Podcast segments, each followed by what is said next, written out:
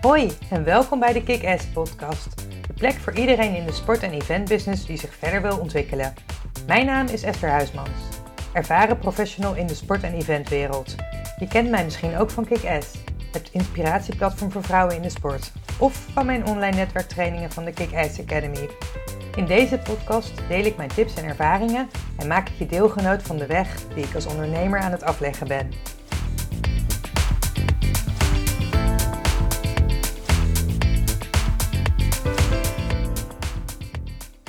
Ik moet even heel hard lachen. Ik uh, was begonnen met het op opnemen van deze podcast.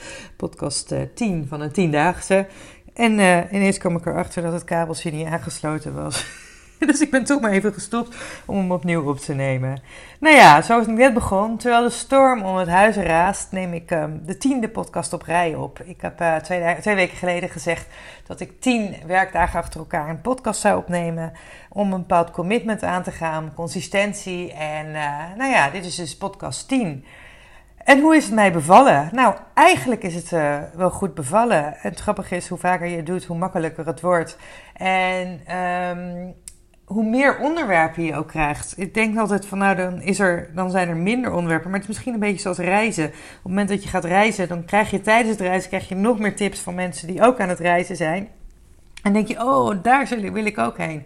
Nou, dat heb ik dus nu ook met onderwerpen. Dat ik denk, oh, daar moet ik ook nog wat over vertellen. Dus um, ik heb nog niet bepaald hoe ik doorga. Maar misschien uh, ga ik wel gewoon door hiermee voorlopig. Of um, doe ik het later in het jaar nog een keer. Uh, maar het is in ieder geval goed bevallen. En het mooie is ook, je wordt er steeds makkelijker in. Ik merkte met mijn eerste podcast uh, dat ik, nou, dat het is een soort luisterboek geworden. Dat ging over, uh, over werken in de sport.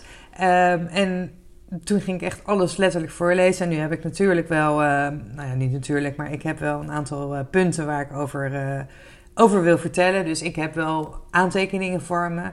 Um, want dat helpt mij om, om een beetje structuur erin te houden. Maar het grappige is, op het moment dat jij je verhaal vertelt, dat, um, dat het eigenlijk veel makkelijker is. Dus zoals dat, dat ik gewoon praat tegen jou. Um, zoals ik bijvoorbeeld tegen een vriendin zou praten, ja, dat is misschien wel veel makkelijker dan dat je het volgens een bepaalde, uh, bepaalde regels moet doen. Of dat je een audioboek ervan maakt. En de eerste podcast die ik heb laten maken, die heb ik ook, uh, of die ik heb gemaakt, die heb ik ook laten bewerken.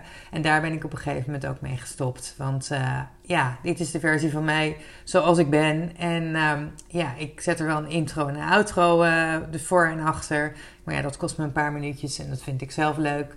Maar het is niet, uh, niet per se noodzakelijk natuurlijk. En ik moest ook denken aan een uh, opmerking hierover van businesscoach Veronique Prins. Die uh, zei ook, ik wil eigenlijk wel podcasten, maar het is zoveel gedoe. En zij was toen aan het luisteren naar Eelco de Boer, die een podcast aan het opnemen was, terwijl die door Amsterdam aan het lopen was met alle verkeersgeluiden. En toen dacht ze, ja, dat wil ik ook. Nou ja, dat doet zij dus ook. En dan hoor je af en toe hoor je haar de hondje Harry roepen.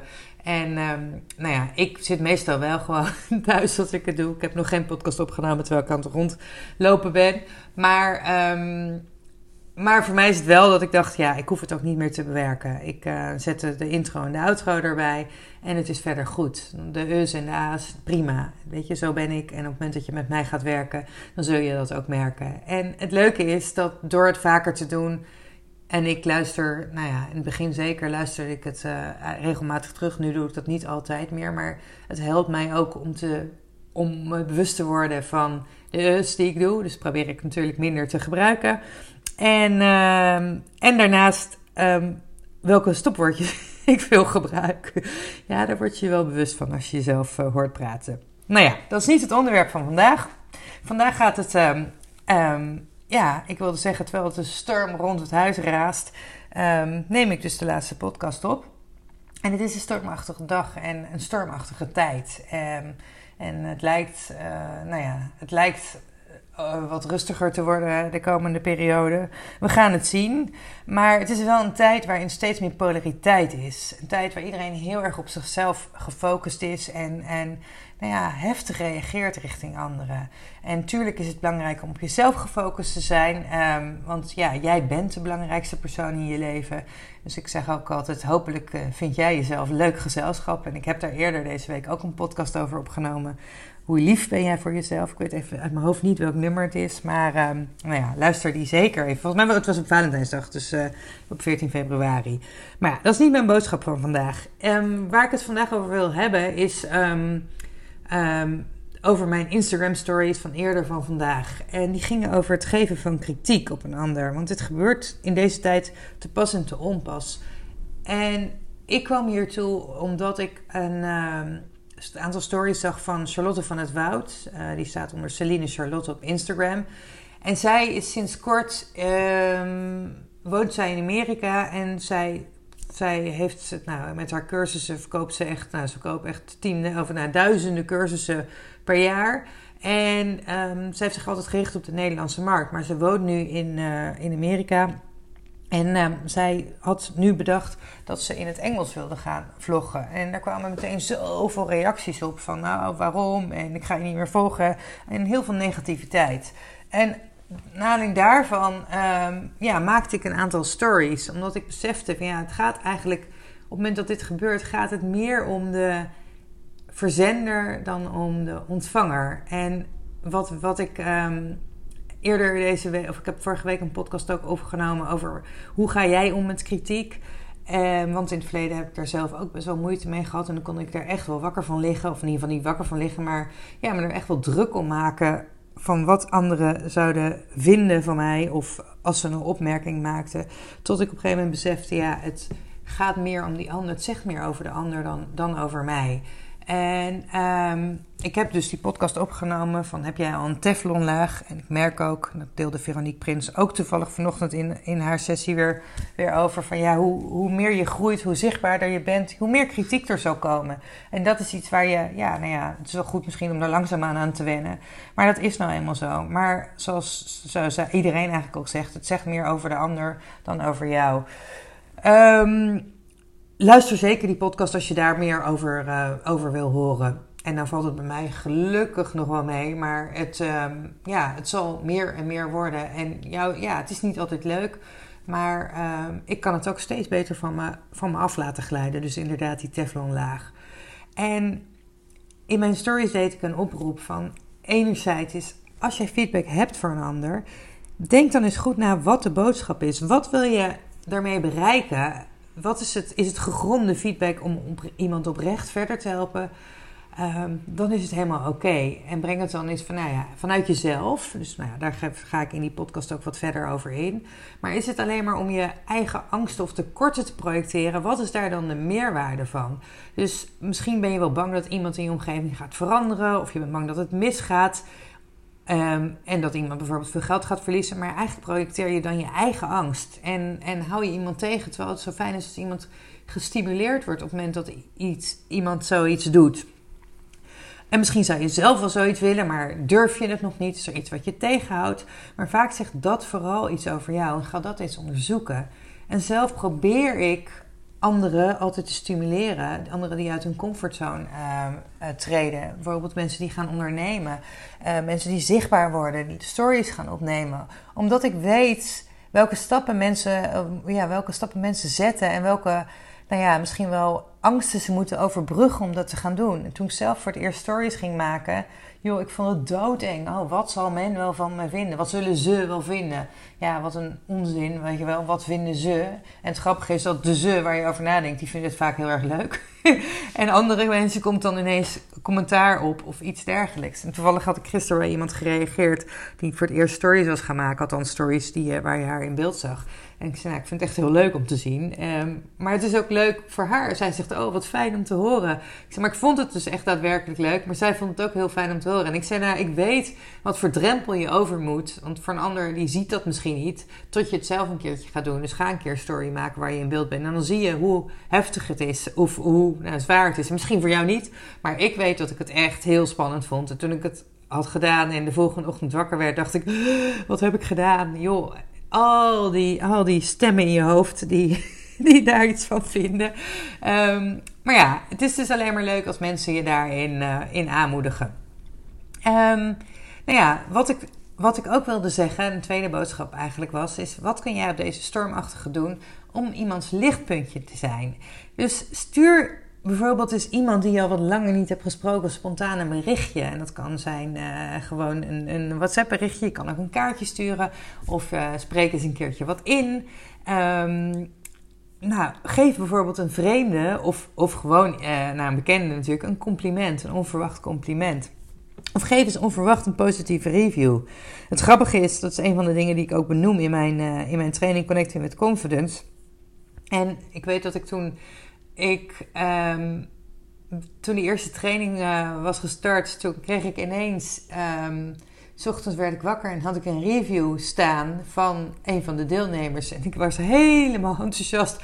En toen pas echt na 10 minuten viel het kwartje dat ik dacht: Oh, dat staat ook in die module. Geef eens een onverwachte review.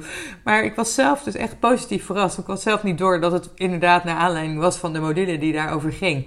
Maar je kan iemand daar dus zo mee verrassen. En het zijn allemaal hele simpele manieren om iemands dag te maken. En en je zult merken, je wordt er zelf ook blijer van om dat te doen. Ik denk dan altijd aan de quote uh, van Maya Angelou. Die, um, die zei, uh, of die schreef: uh, People will forget what you said, people will forget what you did, but people will never forget how you made them feel. En, en zeker um, um, wat, wat ik bijvoorbeeld heel erg waardeer, is de mensen die er zijn of die er waren voor mij op het moment dat er even geen opdracht was kijk, op het moment dat, dat je succes hebt, ik bedoel, ze zeggen ook altijd als je wint heb je vrienden. Op het moment dat je succes hebt, of toen ik bijvoorbeeld een WK mocht organiseren of het EK of iets dergelijks, ja, dan staan mensen in een rij om je vriend te worden of whatever. Succes trekt uh, mensen aan. Maar de mensen die er zijn op het moment dat het misschien even tegen zit, dat zijn de mensen die, die, die ik koester. Ik weet Um, bij mijn eerste toernooi had ik het WK onder 20 gedaan. En daarna, ja, toen was dat voorbij. En dan ben ik toen vrij snel in een volgend project gerold. Maar um, ik weet nog dat een van mijn contactpersonen, die, um, ja, die belde mij op om te vragen hoe het met me ging. En ik had op dat moment nog niet een uh, nieuwe opdracht. En hij was gewoon echt oprecht geïnteresseerd in mij. En dat heb ik altijd onthouden omdat hij er was eigenlijk op momenten... Kijk, we hebben toen heel veel samengewerkt. Maar dat hij echt even interesse in mij toonde op het moment dat... Nou ja, eigenlijk er niks bij mij te halen viel. dus, want ja, weet je, hoe meer succes je hebt, hoe meer mensen iets van je willen. Maar juist die mensen die dat doen op momenten dat er, nou ja, eigenlijk niet zoveel misschien is. Um, ja, die, die koester ik extra. En zo koester ik ook de, mijn eerste klanten. Dus mensen die bijvoorbeeld instapten bij um, Connecting with Confidence. Op dat moment had ik toen ik daarmee begon, had ik totaal geen track record. En ik ben begonnen met een pilotversie. Dus ja, het was vrij laagdrempelig financieel. Maar toch, je bedoelt, het gaat niet alleen om financiën. Je moet er de tijd en energie erin steken om er wat mee te doen. En dat die dat vertrouwen inhalen, ja, dat heb ik onthouden. En dat is hetzelfde voor mijn mentorprogramma. Dat mensen, zonder dat ik, nou ja, weet je, dat ze gewoon het aandurfden, om het zo maar te zeggen, om met mij te gaan werken. En... Uh, en zich ook nou ja, uitgedaagd voelen. Dus dat, ik vind het sowieso altijd dapper als mensen het doen. Omdat je eigenlijk aangeeft, nou, ik ga met mezelf aan de slag. En ik ben bereid om mezelf in de spiegel aan te kijken. Om te kijken, oké, wat kan er anders? Wat kan er beter? Uh, en dat vergt ook heel veel, uh, uh, heel veel lef. Maar ja, dus de mensen die, die daar toen ingestapt zijn, zonder dat ik een uitgebreid trekrecord heb, ja, die zal ik altijd extra koesteren. Dus mijn vraag aan jou is eigenlijk: wiens lichtpuntje ben jij vandaag? En het grappige was, ik schreef mijn inspiratieboost ook over dit onderwerp. En toen ik die aan het schrijven was, kwam er ineens een reactie binnen op uh, LinkedIn. Ik ben onlangs geïnterviewd uh, door, uh, door, mijn, ehm, door het blaadje van mijn studentenvereniging. En dat komt binnenkort uit. En ze hadden al een social media post gedeeld op LinkedIn voor de, nou in, in de uitledengroep. En toen had ineens de oud-CEO van Unilever, die ik niet persoonlijk ken, die had even gereageerd onder die post. Nou ja, dat is natuurlijk ook iets wat ik onthoud. ik ken deze man niet. En die reageert eventjes. En wat ik ook wel mooi vind, um, op Instagram deelde ik ook de quote van Brene Brown. Die benoem ik ook in die eerdere podcast if you're not in the arena getting your ass kicked, then I'm not interested in your feedback. En dit was zo, zo toepasselijk eigenlijk, want kritiek komt bijna nooit van mensen die verder zijn dan jij. Die zullen je vaak aanmoedigen. En dit is zo'n voorbeeld daarvan. Deze man heeft, uh, nou ja, die is na 38 jaar, ik heb, ik hem even gegoogeld, ze kennen hem niet. Um, heeft hij net afscheid genomen van, Unilever. Maar ja, het is wel, uh, nou ja, een grote naam, zou ik maar zeggen, in, in de corporate wereld. En dat hij de moeite neemt om even te reageren op zo'n berichtje. Ja, het is een klein tekstje, maar het is wel, ja, dat doet me toch wel wat. Ja, en dat is iets wat ik ook aangeef. Investeer in de ander door zoiets simpels als een kort berichtje. En zelf deed ik dit vaak al, maar ik was er nooit heel bewust mee bezig. En um, een aantal uh, jaar geleden hoorde ik op een gegeven moment in één week tijd van verschillende kanten dat ik zo'n goed netwerker was. En ik heb dat zelf eigenlijk nooit zo gezien. Want ik was niet per se een groot fan van netwerkborrels. Eigenlijk ging ik nooit naar netwerkborrels, of bijna nooit. Alleen als ik er echt niet onderuit kwam. En ik, uh, ik ben helemaal geen visitekaartjes strooier. Ik heb niet eens visitekaartjes. Um, sportieve netwerksessie bijvoorbeeld vind ik wel leuk. En ik vind mensen ook heel leuk. Maar als het zo verplicht was en daar er zo bovenop lag... en we waren alleen maar aan het uh, rondstrooien om zoveel mogelijk sales te maken... nou, daar... Uh, Um, daarin was ik niet geïnteresseerd. Maar wat ik wel altijd deed, als ik nieuwe mensen ontmoette, dan ging er bij mij een soort radertje aan, nog steeds, um, van oh, dan zou je eens met die moeten praten. Oh, dan is die persoon interessant. Dus ik ben altijd bezig met connecties leggen met dus die persoon, maar ook van oké, maar wat kan je voor die ander betekenen? En dan kan die ander misschien ook wat voor jou betekenen. En um, Um, voor mij, toen ik dus een aantal mensen in één week, en vooral één dame die, die ook zelf trainingen maakte en die een trainingen ontwikkelt, die zei: Ja, je moet er echt wat mee doen. En toen ben ik uh, gestart met mijn. Uh, met het eigenlijk ontwikkelen van mijn online training Connecting with Confidence. En hoe ik dat heb gedaan is dat ik gewoon ben gaan opschrijven van ja, wat ik dus blijkbaar altijd doe, wat niet vanzelfsprekend is, maar wat ik als vanzelfsprekend zag. Dus dit soort dingen, als even een berichtje sturen. En dat kunnen zulke kleine dingen zijn, al is het alleen maar op de verjaardag even aan mensen denken. Of uh, nou ja, op het moment dat iemand iets uh, op, op LinkedIn een nieuwe baan heeft, dat je even reageert. Er zijn allerlei mogelijkheden om even dat contactmoment te hebben. Waardoor je, nou ja, weer eventjes in elkaars, uh, hoe noem je zeggen? Nou ja, in, in elkaars beeld bent, zou ik maar zeggen. En, uh, en nou ja, dus ik ben dat soort dingen, ik ben eigenlijk bewust gaan maken wat ik altijd onbewust deed. En daar is mijn training Connecting with Confidence uit voortgekomen. Ook omdat ik zie hoe uh, lastig mensen netwerken nog vinden. Of, ze, of liever gezegd, ze maken het gewoon heel lastig. Want uiteindelijk gaat het erom dat het, dat het gewoon het leggen van contact is. Het stellen van vragen, interesse tonen in de ander. En mensen inspireren. Er zijn allerlei um, manieren om, om, om contacten aan te gaan. En er zijn allerlei onderzoeken geweest waarin. waarin um, en ik hou, sorry, er zijn allerlei onderzoeken geweest, maar ik hou even één onderzoek aan van. Uh, um, en het ging over de netwerkkikker wakkerkussen. En nou kom ik even niet op de naam van de persoon die dat. Uh, heeft geschreven. Maar zij zegt ook, zij heeft eh, onderzocht. En de, de, zij heeft onderzocht hoe vrouwen netwerken. Ten opzichte van hoe mannen dat bijvoorbeeld doen. Maar ze zei ook van ja, vrouwen onderschatten vaak de kracht van hun netwerk. En ze durven het ook niet in te zetten. En ze denken er veel te ingewikkeld over. Want uiteindelijk gaat het om contacten. En je hebt heel veel contacten, veel meer contacten dan je denkt. En zeker op een platform als LinkedIn, waar je tweede graad contacten nog veel ja, dus ik bedoel, ik heb inmiddels geloof ik 3000 contacten, maar een gemiddelde persoon heeft iets van 500 contacten. Maar bedenk dat, dat als iedereen 500 keer 500, dus je tweede gaat connecties. Het is zo'n grote lading mensen. En tegenwoordig kennen we in zes stappen de hele wereld. Het was vroeger in zeven stappen. Maar ja, zeker door social media is het natuurlijk heel helder geworden wie je gemeenschappelijke connecties zijn. Nou ja, hier kan ik nog uren over praten, zal ik nu niet doen. Um, Ten slotte wil ik je eigenlijk een oproep doen. Want vind jij netwerken zelf ook nog lastig en wil jij dit winderige weekend goed besteden? Ik weet niet wanneer je deze podcast hoort natuurlijk, maar deze, eh, ik heb iets leuks voor je wat dit weekend geldt. Um, schrijf je dan nu in voor de training Connecting with Confidence. Want dit weekend krijg je met de actiecode WIND22 22% korting op de training. En zelfs op het VIP-pakket waarbij je ook twee uur individuele coaching van mij krijgt. Ik zal, um, het, je kan de informatie vinden op academy.kickass.nl en dat zal ik ook onder deze podcast vermelden. Nou, um, tenslotte wil ik nogmaals je oproepen om, uh, ja, om een klein lichtpuntje te zijn. Vandaag of ergens in het weekend. Stuur eens iets spontaans naar iemand. Geef een compliment. Uh, geef eens onverwacht een positieve review. En uh, wees het lichtpuntje in, uh, in de wereld.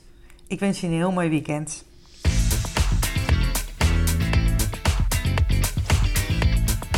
Dit was de aflevering van vandaag. Heel erg bedankt voor het luisteren.